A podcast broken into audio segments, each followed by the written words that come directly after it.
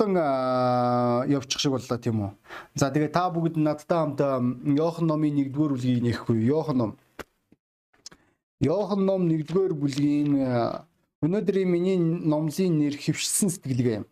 Та бүгд ажигласан уу бид нэр тодорхой нэг зүйлсүүдийн талаар аль хэдийн өөрийн гэсэн үзэл бодолтой суудсан байдаг ба. Ялангуяа амьдралын явцад цаг өнгөрөх тусам бид нэр тодорхой нэг үзэл бодол маань биднийг орхитгүй хөвшсөн сэтгэлгээ маань бид нэр хүмүүсийн талаар тэр хөвшсөн сэтгэлгээтэй байдаг бид нэр үндэстэнгийн талаар хөвшсөн сэтгэлгээтэй байдаг бид нэр бурхны үйлсэд ч гэсэн хөвшсөн сэтгэлгээ бид нэр дотор байж болох юм. Тэгэд энэ сэтгэлгээгээр бид нэр урагшлаад байдаг юм ерөөсөө байдгүй.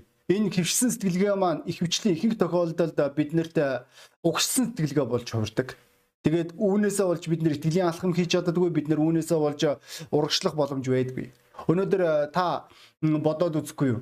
Таны амьдралд тодорхой нэг нөхцөл байдал гарч ирэх үед угаасаа ийм шүү дээ. Угаасаа тэр ийм, угаасаа энэ ийм нөхцөл байдал байгаа. Ямар ч боломж авахгүй, ямар ч найдвар авахгүй.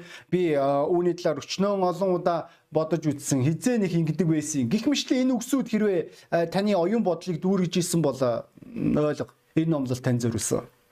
Йохан 1-р бүлгийн 45-аас 46 дугаар эшлэгийг бүгдээр харцгаая. Филипп Натанелийг олоод Моисе хуйлдаа бичсэн бас иш үзүүлэгчийн бичсэн нэгэн болох Йосефийн хүү Назарын Есүсийг бид оллоо гэсэндэ Натанел түнд Назараас сайн юм гарч чадна гэж юу? Гэхдээ Филипп ирж харалдаа гэвэ гэж хэлж байгаа. Энд чи Натанел маань үүний дараа тэрээр Есүсийн шав болсон байгаа бид нэр энэ хүний нэрийг дараа нь Бартимле гэдгээр нь бид нэр Библиэс уншиж болно.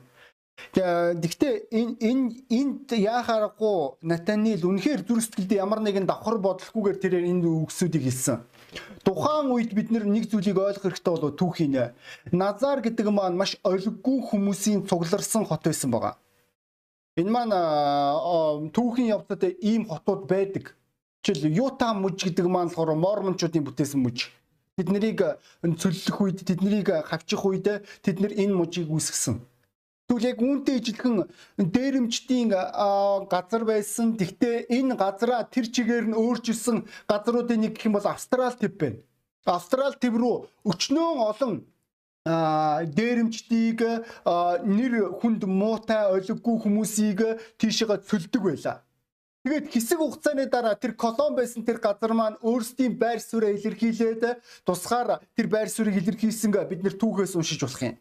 За тэгвэл энд ч бид нэр хөвшсөн сэтгэлгээний талаар харж байгаа. Натанил хэлж байгаа. Назараас олигтой юм байж болох уу? Би итгэхгүй байна. Хизээ нэг назараас нэг олигтой юм гардаг байсан юм.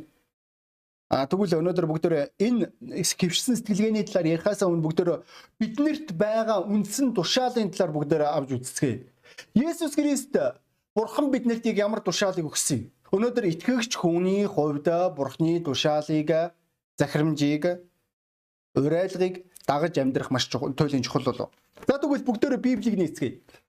Шин гэрээний Марк номын 16-гийн 15 дугаар эшлэл дээр дараах үгсийг хэлж байгаа. Одоо бүгдөө шин гэрээний хэд хэдэн ишлүүдийг нээх учраас та бүгд бэлэн байгаарай. 16-гийн 15 энэ нь зарим итгэгчнэрийн хувьд ерөөсө тэр чигээр цээжинд нь байдаг үг. Гэхдээ бүгдээр нэг анхаарал харцгаая. Бүх ертөнцөөр явж сайн мэдээг хамаг бүтээл тунхлагтун гэж хэлж байгаа. Энд чи харж уу? Энд чи ялгуурал байхгүй байгаа. Хамаг бүтээлд.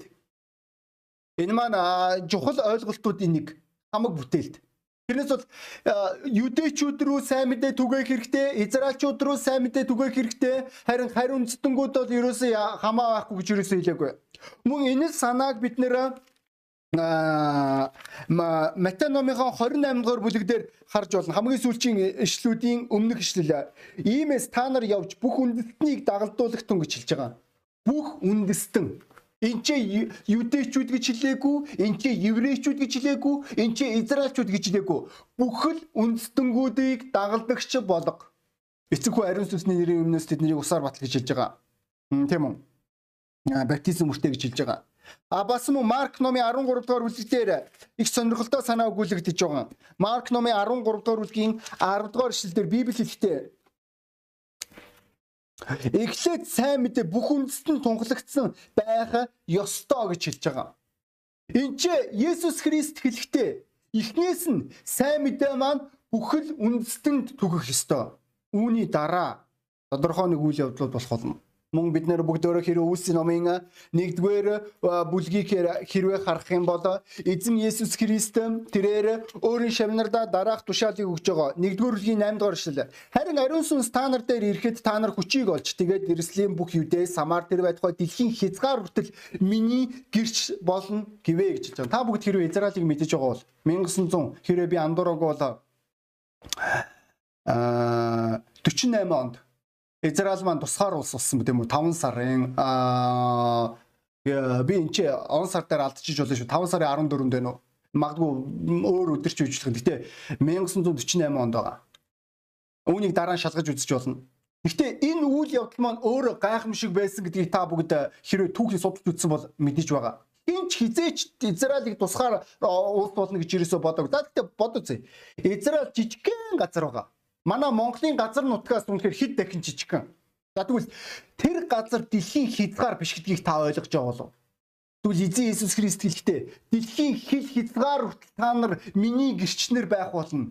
Энэ нь юу гэсэн үг вэ? Дэлхийн хязгаар хүртэл явах үед янз бүрийн хүмүүс тааралдна гэсэн үг.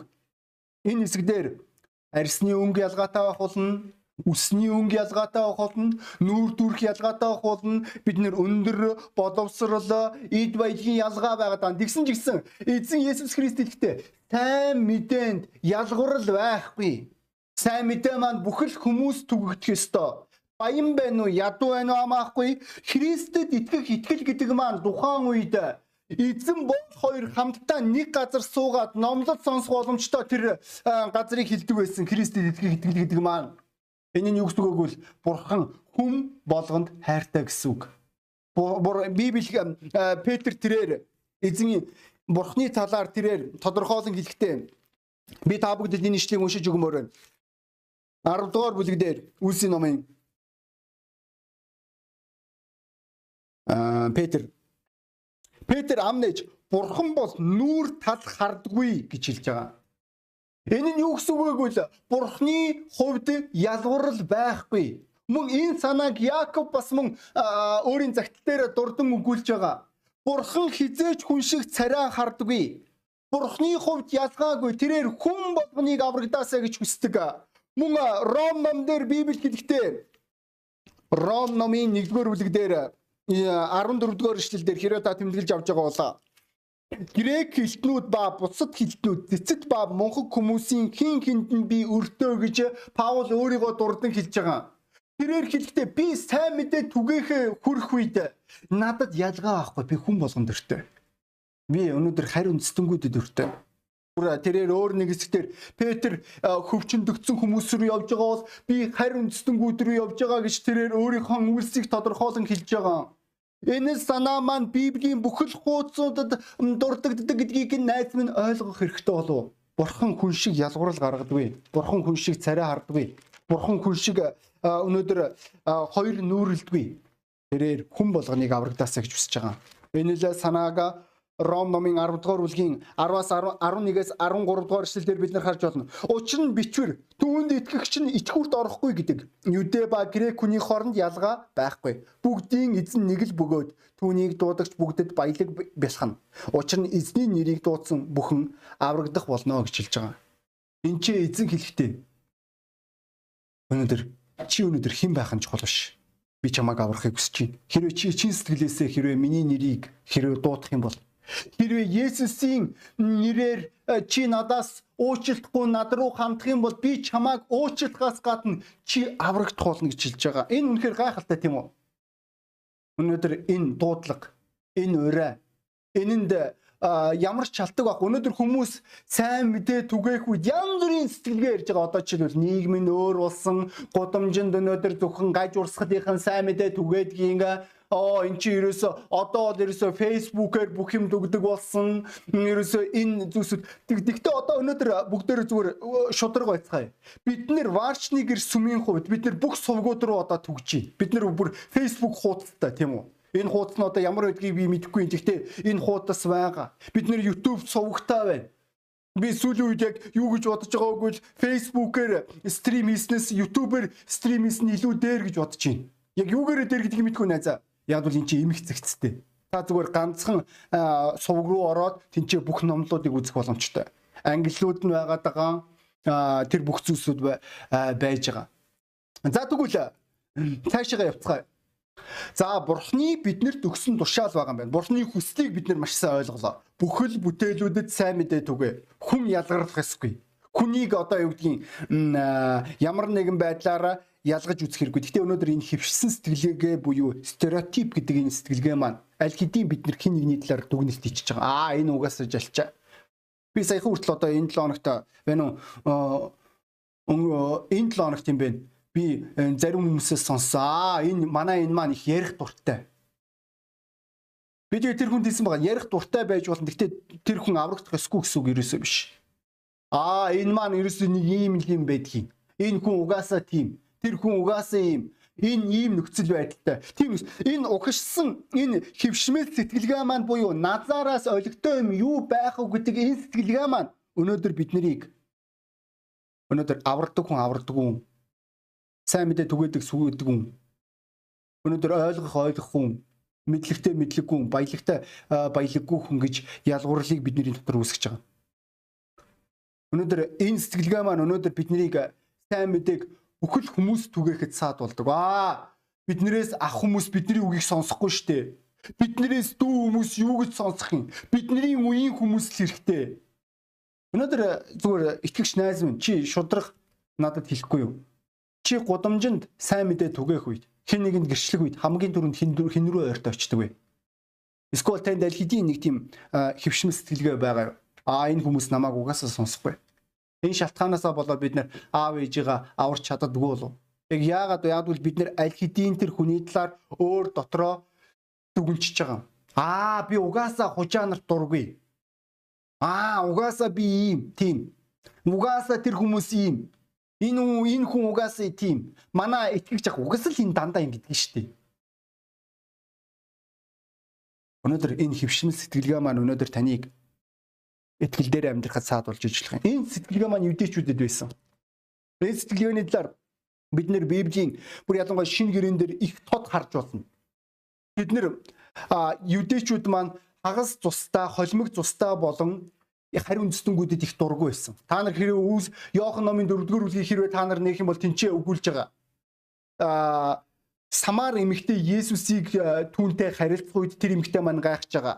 Тэгээд тэр эмэгтэй маань хэлэхдээ та юдэ хүн байж ич надаас усахгүйгээд байгаа мó гэд дараа нэг юм тайлбар хэлж байгаа. Юдэчүүд ба самарчууд хоорондоо харилцдаг байсан гэж хэлж байгаа. Яагаад ингэв? Яагаад гэвэл самарчууд маань холимог цустан байсан учраас. Тийм ээ, бараг л юдэ. Тэгтээ холимог цустай цэвэр тустан биш. Мөн өөр нэг зураглалыг бид нэр бас мөн сайн мэдээний номноос харж болно. Есүс хэлэхдээ тэр хүмүүс та нарын хувьд харимтсан ба татвар ураагч шиг болно гэж хэлж байгаа. Муу зүүрлэл, олиггүй зүүрлэл энэ бүх болгон дээр хариу үндэстэнгүүд юдэчүүдийн хувьд илэрхийлэгдэж исэн. Юдэчүүд маань өөрсдөө маш онцгой гэж бодож байсан. Харамсалтай нь одоо хүртэл онцгой гэж бодсоор байгаа. Тийм? Үнэхээр онцгой. Гэхдээ энэ маань тэднийг бардамнах шалтгаан болох ёстой гэсэн үг юусоо биш гэдгийг та бүгд мэдж байгаа. Бүр Есүс Христ хүртэл харь үндэстэн эмэгтэйг сорьсон гэдгийг та бүгд мэдж байгаа. Тэр эмэгтэйд тусгаал Есүс мэдсэн үү? Мэдсэн. Гэхдээ тэр үгсийг хэлсэн гэдгийг та бүгд санаж байгаа болов энэ маань Матай номын 15 дугаар бүлэг дээр 24-өөс 28 дугаар эшлэл дээр өгүүлж байгаа. Есүс тэрээр тэр юм шавнардаа хандаа хэлэхдээ би зөвхөн Израилийн хондуудад илгээгдсэн гэж хэлж байгаа цаашаага нөгөө эмэгтэй маань Есүс дээр ойрд мөрж ирээд эзэн та надад туслаач гэж хэлгүйд хүүхдүүдийнхаа далахыг аваад нохтод өгөхөө тийм сайн бишээ гэж хэлж байгаа. Тэр үед нөгөө эмэгтэй маань хэлэхдээ нохот ч гэсэн өвдөл сөвдлөөр хоололдог шүү дээ гэж хэлж байгаа. Энэ нь яа гарахгүй нэгдүгээрт энэ эзнээс хурж ирэх тэр эмэгтэй рүү чиглэсэн сорилт байсан. Тэр эмэгтэй Есүсийн энэ тодорхойлж хэлснээр агуу ихтгэлтэй эмэгтэй байсан болж таарж байгаа. Гэтэ энэ нь олон юдэчүүдийн үед үндсэн бүдрүүлэгч бол байлаа. Тэр харь үндэстэн. Мөн нөгөө талаас энэ эмэгтэй маань а Иесус дээр ойртож хурж ирснээр Иесусийн анхны зорилгыг харсан. Иесус энэ эхний зорилго бол Израильчуудыг аврах байсан байгаа.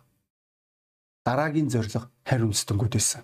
Даанч харамсалтай дараагийн зорилгыг юдэчүүд маань хүлээн авахыг хүсээгүй. Энэ шалтгаанаар Петр Корнилийн гэрлөө очоод тэнцээ сайн мэдээ түгээх үедээ юдэчүүд дараах үгсийг хэлж байгаа. Үлсийн номын 11-р бүлгийн 11-р бүлгийн эхний гурван шүлэл. Бурхны үгийг харийнханч бас хүлээн авсныг элчнэр болон Юдэ даяарх ах дүүс сонсцгоо. Петрийг Ерүслимд ирэхэд голцлуулагдсан хөвчөндөгцсөн гэсэн үг. Түүнтэй хөвчөндөгсөд түүнтэй мэтгэлцэж чи хөвчөндүүлээгүй ирчүүд дээр очиж тэдэнтэй хамт хооллов гэжээ гэж хэлж байгаа. Бид нар энэ бүс дээр маш хатуу байсан тодорхой байгаа. Бид нар эзэн Есүс Христийн зорилгыг ойлгоогүй. Тэгвэл хэрвээ та нар энэ түүхийг хэрвээ өмнөх 10 дугаар бүлгийн түүхийг мэдж байгаа бол Петр дээр үзэгдэл хурж ирсэн. Тэрээр бохир амьтдыг идэг гэж эзний тушаалыг сонссон байгаа. Тэгээд эзэн дүнд хэлэхдээ миний цэв ариунг ариусгасан зүйлийг чи битгий бохир гэж бодож хэлж байгаа. Биний асуудал маань мөн цаашаага бид нэр энэ 11-р бүлэг дээр цаашаага харж болох юм. Бид нэр хавчлага эхлэх тэр мөчөд бүгдээр 19-р ишлэлийн хэрвээ харах юм бол дараах үгсийг хэлж байгаа. Стефани улмаас өрнсөн хавчлагаас болж дархагсад юдэчүүдээс өөр хиндэж үгийг ярилгүйгээр Фойник Кипр мөн Антиох хүртэл явсан ажээ гэж хэлж байгаа. Харж байна энэ хэсэг дээр бид нэр зөвхөн юдэчүүдэд сайн мэдээд өгөөчсөн байна зөвхөн өөрийн ойлгомжтой тодорхой тэрл хүмүүс рүү тэд нэр сайн мэдээд өгөөж исэн. Өөр хүмүүс рүү биш. Энэ л сэтгэлгээ байгаа даа. Би юу дээ харин чи харин үндэстэн. Оо би итгэгч чи бол нүгэлтэн. Өнөөдөр энэ маань гонигтайгаа даа. Бүр Есүс Паул хүртэл тэрээр Тимотиг авч явахын тулд Тимотиг хүч хүндсэн гэдгийг та бүгд мэдж байгаа. Шалтгааныг хэлэхдээ Библи учир нь Тимотийн эцэг нь грек хүн байсан гэж хэлж байгаа. Тэгээд юдэчүүдэд сайн мэдээ түгээхийн тулд э, Тимотиг хөвчөндүүлж байгаа. Харж байна энэ энэ э, хичнээн холимог цустан ч гэсэн энэ хүн маань хөвч хөндөгсөн. Тийм учраас та нар энэ хүнийг сонсох ёстой.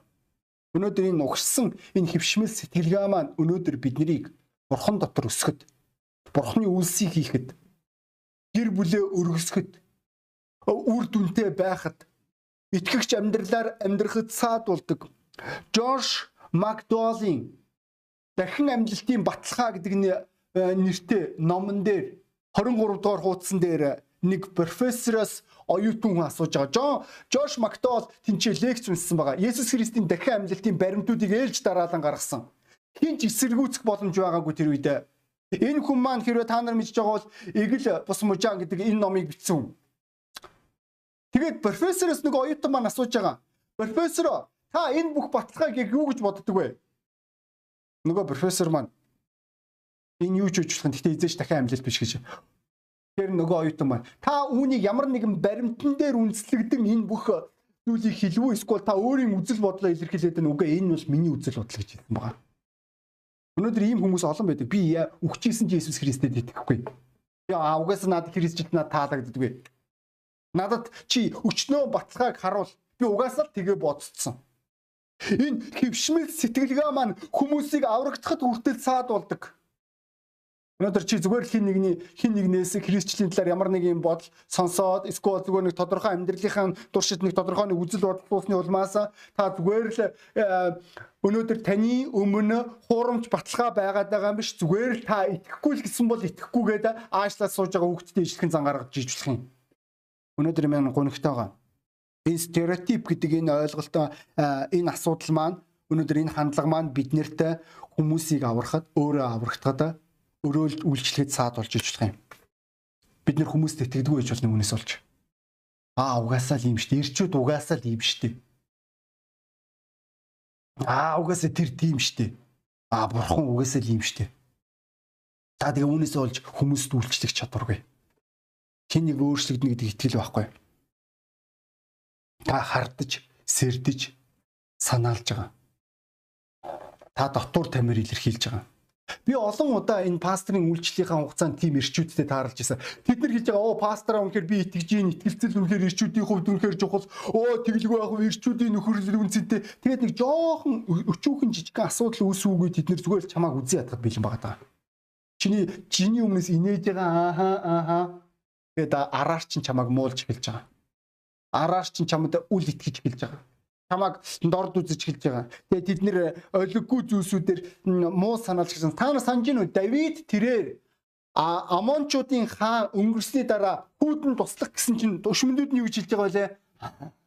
Давид үнэхээр туслана гэж бодож уу? Үгүй байхгүй юу? Бодлаа штт. Цаадах чинь газар нутаг судалж байгаа. Энэ санаа байдал нь тэднийг өөрсдийн үг хийсэн. Магадгүй та өнөөдөр та байнга л хүмүүсийн хүмүүст итгэдэггүй зуршилтай. Энэ хөвшмөл бодолтой. Та жоохон хичнээн үнэхээр та амаараа ярьж байгаа ч гэсэн та аль хэдийн оюун бодолтой мэдэхгүй дээ угаасаа. Үүнээсээ болж та өөрийн зүрхээ цэвэр хадгалж чадахгүй ч юм. Үүнээсээ болж та бурханд итгэж чадахгүй байгаа. Яг яагаад вэ? Таны үзэл бодлоо, таны амьдралын дуршлага энэ бүх зүйл цаад болж байгаа учраас та хэлж байгаа хэрвээ бурхан тэнгэрийн тэнгэрт цонх хийхгүй л бол энэ боломжгүй штэ гэж та хэлэх дуртай. Энэ нь таны хувьд найдваргүй. Та хизээч өөрчлөгдөхгүй. Та хизээч гэрлэхгүй. Та хизээч мөнгөтэй болохгүй. Та хизээч хувийн бизнестэй болохгүй. Та хизээч хүн аврахгүй. Та хизээч илгээгдэхгүй. Яг яагаад вэ? Машингийн би тэгж бодож байна. Надад тэгж санагдаад байгаа. Надад тэгж мэдрэгдээд байгаа. Яг бодит байдал дээр ямар ч тийм зүйл байхгүй. Та үнээсээ болж итгэлийн алхам хийж чадахгүй байгаа. Та үүнээсээ болж аз туршиж чадахгүй байгаа. Та үүнээсээ болж өнөөдөр бурхан дотор өсөхгүй байгаа. Та өгшсөн хөвшмөл сэтгэлгээнээсээ болж. За тэгвэл ахан дүүсээ бид нэр энэ бүх зүйлээс чөлөөлөгдөхгүй бол хизээч бид нэр энэ итгэлийн амьдрал дээр урагшлахгүй гэдгийг та ойлгож байгаа болов. Тэгвэл чөлөөлөлт байгаа. Нэгдүгээр өөрийн хандлагаа өөрчилнө айз минь. Петр өмнө нь тэрээр харин үндэстэнгүй талаар ярих юм бол өстөн үнэхээр тэрээр маш хатуу ханддаг байлаа. Тэрээр хэлж байгаа. Бурхан дүртлийг үуч тэрээр үуч хэлж байгаа лээ. Би бузар амьтад эзэн би гар хүрдгүү би тэднийг хизээч идэхгүй хүчээсэн ч идэхгүй гэж хэлж байгаа. Тэгээ бурхан тэр хүний үзэл бодлыг өөрчилсөн. Тэр өөрийн үзэл бодлоо өөрчлөхөөс аргагүй болсон байна. Тэрээр харин үндэстэнгүүдийг хайрлах хэрэгтэй болсон. Тэрээр хэлж байгаа.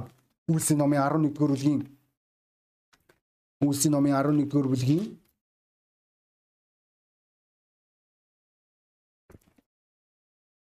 11 дөрвлийн 17 дугаар эшлэлдэр Эзэн Есүс Христэд итгэсний дараа бидэнд өгсөний адил билгийг Бурхан тэдэнд өгч байгаа бол Бурханд саад болох би гихч хийм блэ гэж хэлж байгаа. Петр тэрээр хэлдэг хэрвээ үнэхээр Бурхан гэдэг энэ хариу үндэстнгүүдийг аврах нь үнэхээр энэ бол Бурханыг хүсэл нь тодорхой юм байгаад байгаа бол би өнөөдөр юу ярих юм бэ? Би хийн Өнөөдөр энэ бурхны үйлсэд цаад болдог. Хүсэж чинь хүсэхгүй гэж хэлэх би хийн. Надад эвтэйхэн байна, эвтэйхэн бус байна гэж ярих хийн. Өнөөдөр би хийн. Хэрэг үнэхээр хэрэгцээ байгаа бол бид хэрэгцээнд хариулах болно. Би өөрийн энэ угшсан хөвшмөл сэтгэлгээгээ эвдмээр байна. Би өөрийн аа би үргэлж би бэлэн баймаар байна. Би хүн болгонд хүрэлцээтэй баймаар байна Паул тэрээр өөрийнхөө талаар Коринтын цагт 9-р бүлэг дээр 1-р Коринтын 9-р бүлэг дээр хэлэхдээ тэрээр 9-р бүлгийн 19-с 23 дугаар эшлэлдэр Учир нь би бүгдээс чөлөөтэй атлаа. Илүү олныг олж авахын тулд өөрийгөө бүгдийн боол болгосон. Юдэчүүдийг олж авахын тулд би юдэчүүдэд юдэ адил хуулийн дор байгстыг олж авахын тулд би өөрөө хуулийн дор бус атлаа. Хуулийн дор байгстад хуулийн дор байгч мэт. Хуульгүйчүүдийг олж авахын тулд хэдийгээр би бурхны хуулиас ангид бус харин Христийн хуулийн дор байдаг атлаа. Хуульгүйчдэд хуульгүй нэгэн адил. Сул дороочуудыг олж авахын тулд би сул дороочуудад сул дороог нэгэн адил болсон юм. Бүхий л аргаар заримыг нь аврахын тулд би бүгдэд бүх юм болж байлаа би сайн мэдээний өрөөлийг хуваалцагч байхын тулд үүний төлөө бүхнийг хийдгээ гэж хэлж байгаа. Энд чи Паул тэрээр хэлдэг би хоёр нүрэлдгүй. Би зүгээр л уян хатан өөрчлөлтөд бэлэн байдаг. Хэрвээ сайн мэдээ үр дүнтэй байгаад байгаа бол тийм ойлгомжтой би худлаа ярихгүй тодорхой. Би хүнийг хуурахгүй тодорхой. Гэхдээ би тэр хүмүүсийн хувьд ойлгомжтой хэлээр ярихыг хүсдэг. Тэр хүмүүсийн хувьд ойлгомжтой байдлаар тэднэрт хүрэлцээтэй байхыг хүсдэг. Өнөөдөр энэ маань чухал болов. Энэ маань өнөөдөр итгэгч хүмүүс бидний хувьд зүрхээ тэлэх гэж хэлж байгаа. Хэрвээ Натанил хэрвээ аа угаасаа Назараас олигтой юм байхгүй. Хизээ нэг Назараас олигтой юм байдаг байсан гэдэг энэ л үзэл бодолтой тэрээр үргэлжлүүлэн зогссон бол тэр хизээч Есүс Христийн 12 дагалдагчийн нэг байх байх байсан болов. Тэрээр хизээч өөрийн амьдралдаа бурхандах хувь тавилангаа хэрэгжүүлж чадахгүй байх байсан. Тэр хизээч бурхны гайхамшигыг олж харахгүй байх байсан. Итгэгч найз өнөөдөр ойлго. Өнөөдөр чи хөвшмөл, угшмал сэтгэлгээгээр гав ганцаараа өнөөдөр зүгээр нэг тайраа ицсэн дүн дүнцсэг үлдэхгүй эсвэл чи өнөөдөр хүн болгонд хүрэлцээтэй. Дүр сэтгэлээ тэлцсэн. Майхнаа өргөсөх үү? Учир нь эзний амлалт Исагийн загтал дээр, Иса номон дээр Энд чи Библи хэлэхдээ Майхныхаа талбайг өргөтгөн суусныхаа хөшгийг дэлгэн татаад бүү зов аргамжаагаа уртсгаж гадсаа бүглэгтэн учир нь чи өрн ба дорн зүгт тэлж үр удам чинь үндэстнийг эзлэн э, эзгүүрсэн хотуудад сууршна гэж энэ чи эзэн амлаж байгаа. Энд чи бүр билвсэн хүүсэр эмэгтэйчүүд хүүхэдтэй болох талаар амлалт хүртэл дурддагдж байгаа. Энэ маань яг ямар утгатай үг вэ? Маш энгийн найз нь ойлго. Хэрвээ чи үйлчлэхийг хүсэж байгаа бол хүмүүст хэрвээ чи хүн болгонд хүрэлцээтэй байхыг хүсэж байгаа бол чи сайн мэдээг түгээхийг хүсэж байгаа бол чи илгээхийг хүсэж байгаа бол чи итгэлийн амьдралдаа баяр хөөртэй амьдрахыг хүсэж байгаа бол зүрхээ тэлэх хэрэгтэй.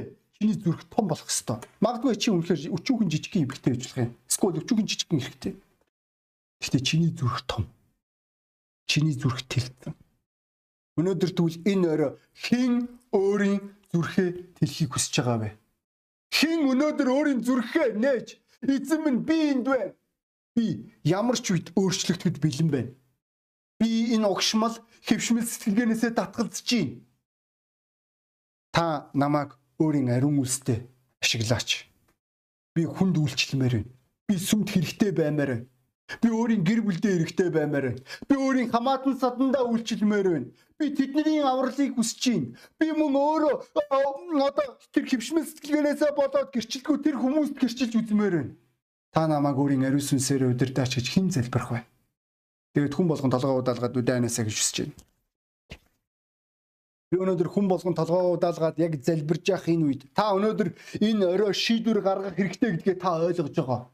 Таны зүрх хумигдмал Таны зүрх үнэхээр өчүүхэн жижигхэн гэдгээ та маш сайн ойлгож байгаа. Таны ертөнцид үнэхээр хитгэн хүн бий. Магадгүй та гэр бүлтэй бол таны нөхөр тэгээ хүүхдүүд ч өөр хийж биш. Магадгүй та ганц бий бол та өөр өөр хийж биш. Тэгвэл өнөөдөр энэ уйтгарта утгагүй энэ амьдралын хэв загвараас итгэгч найз минь татгалзах хэрэгтэй гэдгээ та маш сайн ойлгож байгаа болов. Өнөөдөр биднэрт өнөөдөр жинхэнэ чөлөөлөлт хэрэгтэй Бурхан өнөөдөр таны зүрхийг өөрчлөхийг хүсэж байна. Бурхан өнөөдөр энэ орой таны зүрхийг цэвэрлэхийг хүсэж байна итгэгч найз минь. Та хин нэгний талаар маш амархан хогийн бодлыг боддог.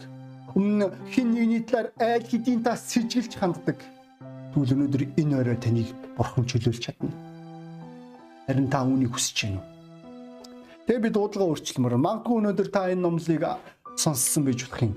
Тэгээ та нэг зүйлийг ойлгож байгаа. Бурхан таныг аврахыг хүсэж байгаа Та өмнө нь ямар амьдралаар амьдэрсэн? Таны амьдрал одоо яг ямар байгааг би мэдэхгүй. Гэхдээ нэг л зүйлийг би мэдэж байна. Бурхан таныг хэн гэдгийг ч мэднэ. Таны амьдралд яагаад энэ бүх зүйлс байгаад байгааг ч маш сайн ойлгож байгаа. Таны амьдралыг юу сүрүүлж байгааг ч мэднэ.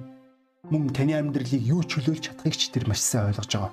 Тийм л учраас тэрээр бидний нүглийн төлөөсийн төлөө Есүс Христийг загалмаа дээр товтлсон өөрийн хүүгээ хүссэн. Биднийг амьдруулах гэж. Биднийг чөлөөлөх гэж Хэрвээ та энэ чөлөөллийг та энэ орой бурхантай эвлэрхийг хүсэж байгаа та бурхан дотор аврагдахыг хүсэж байгаа бол та чин сэтгэлээсээ энэ залбирыг намайг дагаад хэлэхгүй юм. Та энэ залбирлыг дагаад чин сэтгэлээсээ хэлэх хэрэгтэй болов. Бурхан минь Есүс Христ миний нүглийн төлөөсийн төлөө гэсэн гэж хэллээ. Та намайг чөлөөлж чадна гэж хэлж байна. Би үүнд итгэж байна. Би таны өмнө нүгэлтэй надад чөлөөлөл хэрэгтэй. Надад аврал хэрэгтэй. Тэгэхгүй бол энэ нүгэл миний амьдралыг сүрүүлсээр байна. Би зүгээр л хоёр нүгэлсэн. Гаднах төрхөөр ямар ч асуудал байхгүй мэт байгаа ч миний зүрх сэтгэл хоосон. Би ганцаардмал. Нүгэл миний амьдралд өөрийн хор уршиг учруулсаар байна. Би нүглийн боол гэдгээ ойлгож байна. Эзэн минь та намайг энэ өрөө чөлөөлөөч. Та миний амьдралд орооч Миний нүглийг уучлаач. Есүс Христийн нэрээр. Миний уучлал таны чөлөөлд баярлаа. Аамен. Найз минь хэрвээ та чин сэтгэлээсээ залбирсан бол Бурхан таны нүглийг өөрчилсөн. Тантай эвлэрсэн. Та түүн рүү хандаж болно. Та түүнийг таньж мэдэж болно.